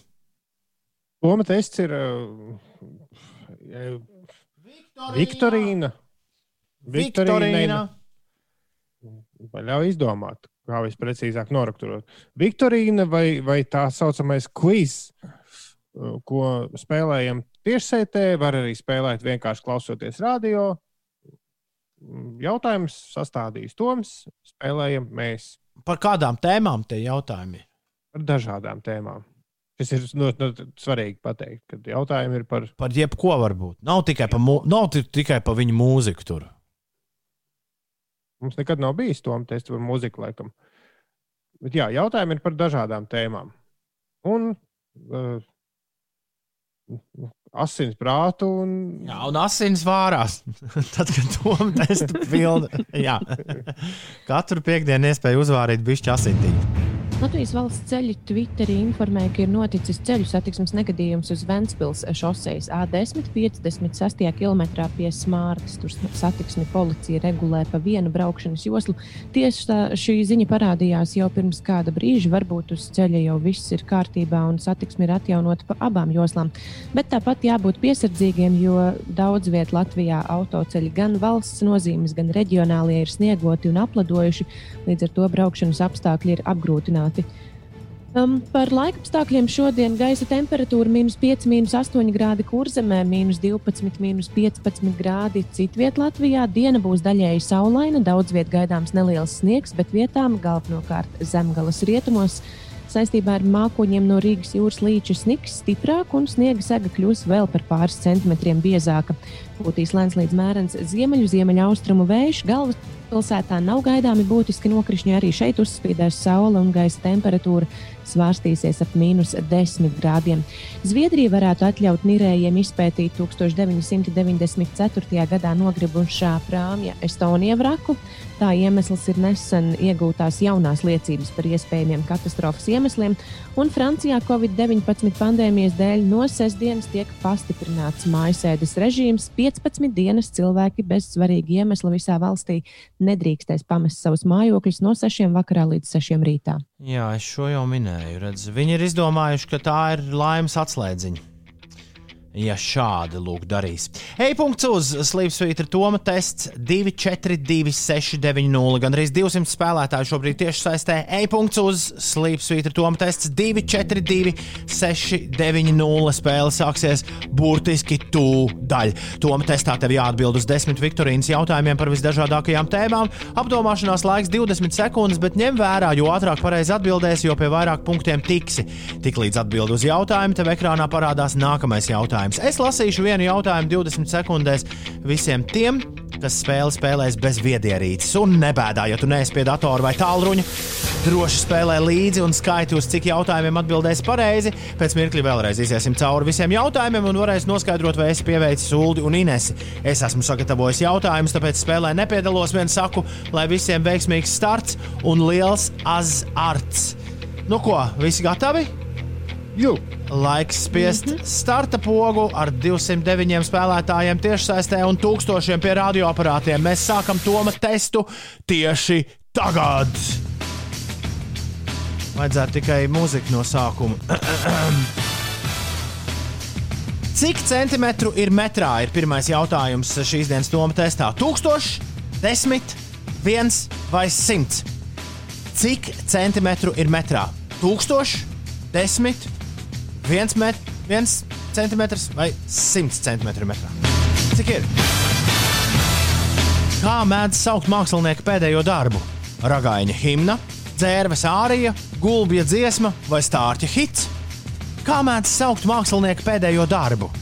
Ragaiņa himna, dzērves ārija, gulbja dziesma vai stārķa hits? Hits, hits! Kura planēta ir nosaukta par godu romiešu dievam, kura ekvivalents grieķu mitoloģijā ir Zevs? Mars, Saturns, Jupiters vai Platons? Plutons. Uh, kura planēta ir nosaukta par godu romiešu dievam, kura ekvivalents grieķu mitoloģijā ir Zevs? Mars, Saturns, Jupiters vai Plutons? Ko vairākās rietumu valstīs ļaudis Ziemassvētkos dara zem āmuļiem? Izsaka vēlmes, svilpo, dzied vai varbūt bučojas? Ko vairākās rietumu valstīs ļaudis Ziemassvētkos dara zem āmuļiem? Izsaka vēlmes, svilpo, dzied vai bučojas. Kuras valsts galvaspilsēta ir Katmandu, Butānas, Mongolijas, Nepālas vai Šrilankas? Kuras valsts galvaspilsēta ir Katmandu, Butānas, Mongolijas, Nepālas vai Šrilankas? Aizved mani uz Katmandu. Ko latviešu nozīmē citijus, altijus, fortijus? Garāk, īsāk uz priekšu, labāk, drošāk, rūpīgāk, ātrāk, augstāk, spēcīgāk vai lētāk, pieejamāk, izdevīgāk. Ko latviešu nozīmē citijus, altijus, fortijus? Garāk, īsāk uz priekšu, labāk, drošāk, rūpīgāk, ātrāk, augstāk, spēcīgāk vai lētāk, pieejamāk, izdevīgāk kurā Šekspīra lugā tiek aizdota 3000 dukātu. Sapnis vasaras naktī, Hamlets, Romeo un Džuljeta vai Venecijas tirgotājs. Kurā Šekspīra lugā tiek aizdota 3000 dukātu. Sapnis vasaras naktī, Hamlets, Romeo un Džuljeta vai Venecijas tirgotājs. Pārliecināts optimists ir sangvīniķis, flegmātiķis, melanholiķis vai holēriķis. Pārliecināts optimists ir sangvīniķis, flegmātiķis, melanholiķis vai holēriķis. Kurš ir īstais? Lokarno kinofestivāls notiek Austrijā, Francijā, Ungārijā, bet varbūt Šveicē. Lokarno kinofestivāls notiek Austrijā, Francijā, Ungārijā vai Šveicē. Un noslēdzošais jautājums, tā teikt, ķirsis uz tortes šajā rītā, Tom testā. Jautājums, kura no šīm dziedātājām nav dzimusi Kanādā? Elanisa Morisete, Nelija Furtado, Kristīna Agilera vai Keidija Langa? Kura no šīm dziedātājām nav dzimusi Kanādā? Alanis Morisete, Nelija Furtado, Kristīna Agilera vai Keidija Langa? Šāds lūk, Toms tests šim rītam. Dīdžais Bonis raksta, Tom, nu tev jautājumi, bet man patika. Mārtiņš septiņas dienas gaidīja Toma testu, lai tik slikti nospēlētu. Un Kārlis eh, jau no šī brīža gaida pirmdienu, kad varēs smieties par Ineses geogrāfijas spēles rezultātiem. Tā ir viņa replika par Toma testu. Jā. Paldies, Kārlis! Laiks iziet cauri tom testa jautājumiem un sveikt uz- uzvarētājus uz godestāla likt virsū tos, kuri spēlēja visteicamāk šajā rītā tom testu. Un šorīt, tici vai ne, šorīt astoņi spēlētāji meloju, septiņi spēlētāji ir atbildējuši uz visiem desmit jautājumiem pilnīgi pareizi. Visātrāk to izdarīja Šauracīte, kas saņem zelta medaļu, sudrabs Jānim Novicānam un gaismas dzirksts tiek pie bronzas. Bet, eh, protams, kā nu, jānosauc un jāgā, jāgodina ir arī vispārējie, kur trāpīja 10 no 10. Ance palika 4. 5. vietā ir Kaiva Jē, Renārs P. 6. un Juris Korotkovs ir 7. vietā. Šie visi spēlētāji šorīt atbildēja uz 10 jautājumiem. Pilnīgi, pilnīgi pareizi. Tā, pirmais jautājums. Cik centimetri ir metrā? Simt. Simt. Simts. Kā mēdz saukt mākslinieku pēdējo darbu? Gulbja dziesma bija. Gulbi dziesma. jā. Gulbi dziesma, jā. Nu, Kaut gan ragaiņa himna, man liekas, arī varētu ļoti, ļoti labi skanēt. Gulbi dziesma ir īstais. Jā. Kura planēta ir nosaukta par godu romiešu dievam, kura ekvivalents grieķu mitoloģijā ir Zevs? Jupiters. Nu, šeit es aizšāvu garām, jo es uzspiedu uzreiz uz Marsu, zinot, ka Mars ir vienīgā planēta, kas ir nu, dievs, arī nu, kara dievs ir Mars. Pēc tam tikai atcerējos, ka kas atļauts Jupiteram, nav atļauts kā Lūdzu, lūdzu jā. Jupiters ir pareizā atbilde. Ko vairākās rietumu valstīs ļaudis Ziemassvētkos dara zem āmuļiem? Šis ir interesants. Man neviens nekad nav izskaidrojis. Es esmu ar daudziem uh, jā, angļiem un amerikāņiem par šo runājis. bet Neviens man nav izskaidrojis, kāpēc. Bet, Kā? Gribās un viss. Nu, labi. Izdomāja iemeslu. Bet, bet ko dara? Bet ko dara Ines? Bučojas. Bučojas. Svilpoja. Bučo, Bučojas. bučojas ir pareizā atbilde. Kuras valsts pilsēta ir Katmanduīnes? Nepāls. Nepāla ir pareizā atbilde. Ko latviešu nozīmē citijus, altijus, fortijus? Ātrāk, augstāk, spēcīgāk. Olimpisko spēļu sauklis šis, starp citu. Jā, nevis ātrāk, augstāk, tālāk, kā daži saka. Kurš Šekspīra lugā tiek, jā, kurā Šekspīra lugā tiek aizdota 3000 dukātu? Venecijas tirgotājs. Nu, un jā. Tā arī ir. Nekā grūti šajā jautājumā īpaši nebija. Pārliecināts optimists ir sangvīniķis, flegmātiķis, melanholiķis vai holēriķis. Ko? Sangvīni. Sangvīniķis. Lokarno kinofestivāls notiek kurā valstī? Šo es nezinu. Tu zināji, Uldi? Nu, es tā izdomāju mazliet. Vai tik tur nav arī Lokarno ezers blakām? Varbūt nav. es nezinu. Bet uh, Šveicē atrodas Lokarno. Ir Lokarno līgums, Lokarno ezers. Lugano. Maģiore. Maģo-. Maģiore, jā, pareizi pie Lokarno blakām ir. Un uh, pēdējais jautājums uh, Tom testā. Kura no šīm dziedātājiem nav dzimusi Kanādā? Vai kāds no jums atbildēja pareizi? Agilēra. Tu zināji arī?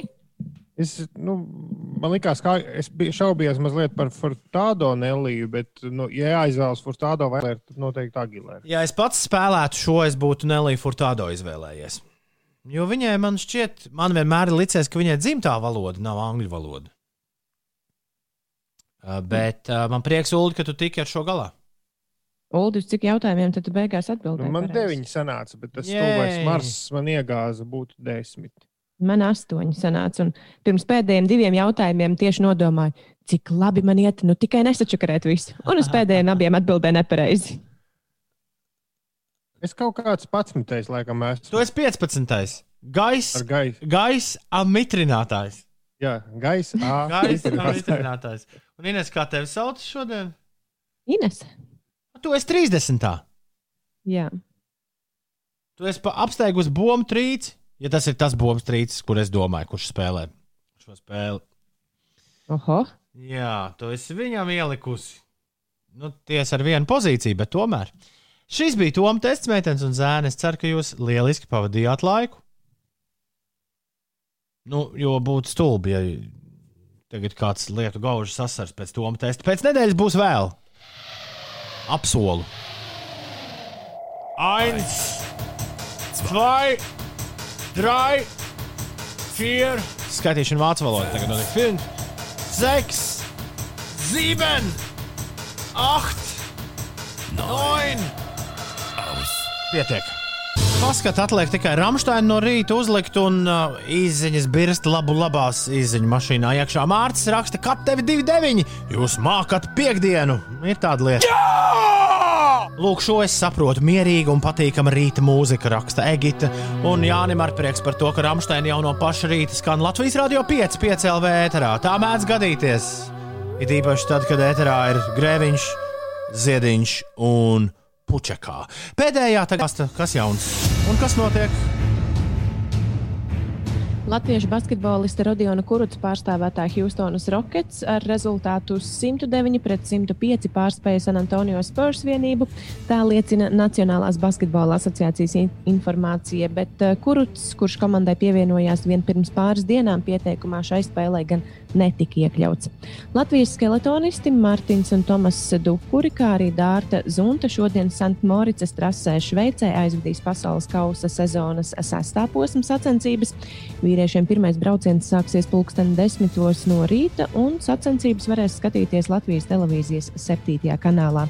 Elvim Merzlīkinam paliekot uz rezervistu soliņa zaudējumu savā pirmajā nacionālās hokeja zonas spēlē piedzīvoja arī viņa pārstāvētā Kolumbusas Blue Jackets komanda, kas ar rezultātu 1-3 atzina Nešvilas Predators eh, pārākumu. Šodien ārā visai vēss, minus 5, minus 8 grādi, kur zemē un citvietā valstī minus 12, minus 15 grādu. Diena būs daļēji saulaina, daudz vietā gaidāms arī neliels sniegs. Vislielākā sniegšana šajā dienā gaidāma zemgales rietumos. Galvaspilsētā nav gaidāmi būtiski nokrišņi, arī šeit uzspīdēs saule un gaisa temperatūra svārstīsies ap mīnus 10 grādiem. Autoceļu stāvoklis visā valsts teritorijā nu, sniegots un apledojis. Jābūt prātīgiem. Oi, saulīt, tas gan būtu tik forši, tik forši, tik forši. Cerēsim, ka tiešām labi daudz to saules gaismu varēsim uzņemt. Ko pa brīvdienām Ines un Uldi? Esat jau izdomājuši? Ārā augsts būs. Jāsēž un jāskatās atkal teļuks, ja visas brīvdienas. sēdziņas kārtīgi jāsasadzās. Mums šorīt Xbox nespēlēs sev pats. tas gan. tas gan. Nu, Xbox pats sev nespēlēs. À, Jā. es esmu sākusi lasīt visai biezu grāmatu, tā kā būs ko darīt. Termometrs raksts raksta, rāda saltus 16 grādus un asfalts uz P85 sauss kā vasarā, lai labi ripo un lai jaudīga piekdiena. Kaspars saka, ka Garkalnē esot mīnus 17 pat. Uh! Anatomijas greju skatīšoties Ingūns. Bet mums, mums šorīt rakstīja agrā rīta stundā, un es to izziņu tajā brīdī palaidu garām par šī brīža Netflix vispopulārāko seriālu. Uh, pēkšņi aizmirsu, kā to sauc. Lupi, lupi, vai Lupin. Lupin. Uh, jā, Ines, izrādās, tu neesi vienīgā, kur skatās seriālus nevis oriģinālā valodā, bet uh, iedublētus angliski. Diplomāts raksta, vakar pēc jūsu diskusijām paskatījos Lupin. Tur ir apkopots seriāls White Collar un grāmata Grāfs Monte Cristo. Viss ir ļoti paredzami. Teicu tik daudz priekšā, ka Laurai jau sāk apnikt. Bet seriāls interesanti uztaisīts, plus interesants fakts, angliski to ir ierunājuši tie paši cilvēki, kas seriālu manī haist. Bet es Es, šodien. ka tur ir vienu, vienīgie cilvēki, kas ierunā pilnīgi Bet- visus seriālus. Bet es šo nevaru, sa es šo nevaru saprast. Franču valoda ir tik skanīga, tik forša un tik, tik krūti ir bet, Ja tu skatīties. to valodu nesaproti, tad tu nevari darīt kaut kādas citas lietas dzīvoklī un Kāpēc fonā ir jādara citas lietas, skatoties labu Tie- seriālu? Tie nav tik labi seriāli, lai to laikā nedarītu neko citu. Nē, šis Laikam. nē, Lupēna ir. Es nepiekritīšu. Lupēna ir tāds, ko tu gribi. Cik liela jēga pēc tam no tā, tas cits jautājums, bet tu gribi apsēsties un tā lielām acīm skatīties. Oh, kas tur notiek? Kas tur notiek? Kas tur notiek? Kas tur notiek? Kas tur notiek? Labi, bet uh, tagad ir nevis seriāla rubrika, bet gan uh, interesantās ziņas. Laiks interesanto ziņu noslēgumam šajā nedēļā. Ar vēl vienu izlaidumu. Ar interesanto ziņu izlaidumu. Tas, ka man tie foni skan paši no vidus. Un es neesmu, es neesmu muldīgi sapratis, kāpēc tas tā notiek. Ah, bet tas man, tas man dzēn izmisumā. Ah, šo būs kaut kā jāmēģina risināt. Interesantās ziņas vienmēr sakot, dāmas un kungi. Par to iepriekšējo diplomāts raksta, ka franču valoda izklausās tā, it kā cilvēks ēd un runā vienlaicīgi. Tāpēc labi, ka ir angliski ierunāts. Diezgan precīzs raksturojums. Tad, kad reiz mūsējā kāds uzņems foršu filmu, un to visu pasauli skatīsies iedublētu, tad es gribu redzēt, kā jūs jutīsieties.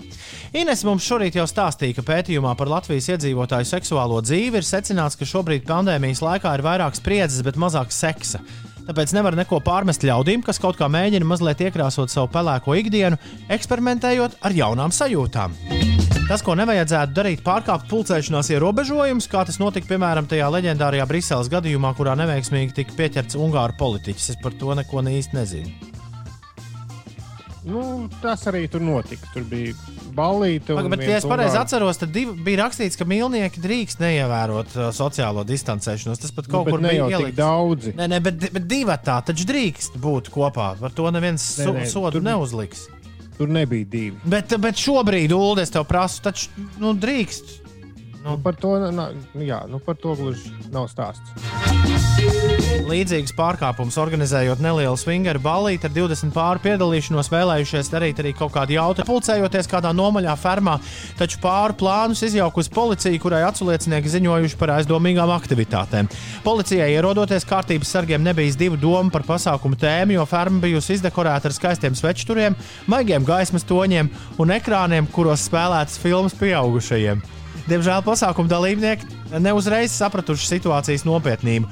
Kāda dāma ieraudzījusi formā stērptos policistus, esot valšķīgi apķērusi vienu no kārtības sargiem, sakot, kādas tev skaistas acis, tās mani uzbudina. Tikai pēc brīdiņa noskaidrojies, ka policijas reids nav striptīs dejotāju brigāde, kas ieradusies, lai izklaidētu svingotājus.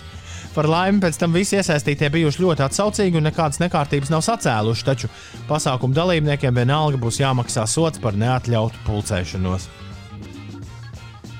Es lasīju, to arī droši vien lasīju stāstīju par to, ka bija arī kaut kādi ļaudis sadomājuši kādā viesunamā jauno gadu svinēt, tepat Latvijā. Jā, bija tur kaut kādu reliģiju mazliet saistīta. Nesen stāstījām par dažiem nepārāk, to jau tu nezini, vai ir reliģija. Varbūt tur arī bija kaut kas tāds. Labi, nesen stāstījām par dažiem nepārāk priecīgiem bitkoinu īpašniekiem, kas aizmirsuši paroles virtuālajiem maciņiem, kuros iekrāta kriptovalūtu vairāku simtu miljonu dolāru vērtībā. Un Ulas pie reizes atvainojas par kļūdu ziņā. Šobrīd īpašnieki netiek klāt bitkoiniem nevis 14, bet 140 miljonu dolāru vērtībā. Miljardu. Es atceros, 140 miljārdu dolāru vērtībā bitkoiniņi stāv ieslēgti, jo paralītes cilvēki pazaudējuši. Kā rakstīja New York Times, bitkoinu lielākais pluss esot tas, ka tos pieskata nevis bankas, bet paši lietotāji. Taču izrādījās, ka cilvēki ir diezgan struntīgi pieskatītāji. Arī šodien mēs stāstām par vīru, kurš pazaudējis veselu bagātību. Datorinženieris vārdā James Howells 2013. gadā nejauši izsviedis ārā cieto disku, kurā iekrāta kriptovalūta, kuras tagadējā vērtība nu jau būtu vairāk nekā 200 miljonu dolāru. Un pēdējos gados, pēdējos gadus vīrs pavadījis neveiksmīgi mēģinot šo cieto disku atgūt. Kāpēc man šķiet, ka mēs par šo esam runājuši? Zināms, vien tas, ka disks visticamāk atrodas izgāstuvē Ņūportā, Dienvidvelsā, un tam klāt neviens cits izņemot saimnieku netiek. Taču varas iestādes neļauj viņam veikt izrakumus izgāstuvē, aizbildinoties ar kaitējumu dabai. Pēdējā gada bitkoina vērtības kāpumu 35 gadus vecais datorinženieris izlēma spērt izmisuma soli. Viņš piedāvājis varas iestādēm 50 miljonus dolāru, jeb ceturdaļu no cietajā diskā atrastās summas, ja viņam ļaus atrast cieto disku, kas izmests ārā pārskatīšanās dēļ. Man bija divi vienādi diski, un es izmetu ārā nepareizo. Ai, Bet, zin, runājot par mēdīju atbildību, mēs arī te par bitkoiniem un par, par, par naudas kāpumu un visu kaut ko. Uh, ir ļoti sāktivizējušies krāpnieki, kas zvana un stāsta, ka kriptovalūtā tu esi nopelnījis kaut kādu naudu, un tev tur tikai vajag kaut ko iemaksāt. Uh, mm, nu, gan arī katru dienu kā, kaut, kaut ko tādu var lasīt sociālos tīklos. Ja tev kāds zvana un piedāvā naudu par brīvu, tā ir krāpšana. Un banka arī tev nezvanīs un neprasīs, lai tu tagad nosauc kaut kādus savus ciparus. Nekad, Jā, tieši. nekad tas tā nenotiks. Viss cauri šī nedēļa ir pagājusi. Šis bija uh, morni, uh, Latvijas Radio 5,5 LV morning shows, kurus joprojām sauc 5 rīti. Rīt un parīt mēs būsim uzsildītā izskatā starp 8 un 10. Pirmdien, 6. būsim apakaļ. Likt. Ines kaut kur uh, jā, uz kursiem aizgāja, bet mēs, Nē, nē, es tepat esmu. bet mēs ar Ulu jums sakām paldies, ka klausījāties. Bija forša nedēļa, nākamā būs vēl foršāka. Tiekamies, visu labu! Ā, tā!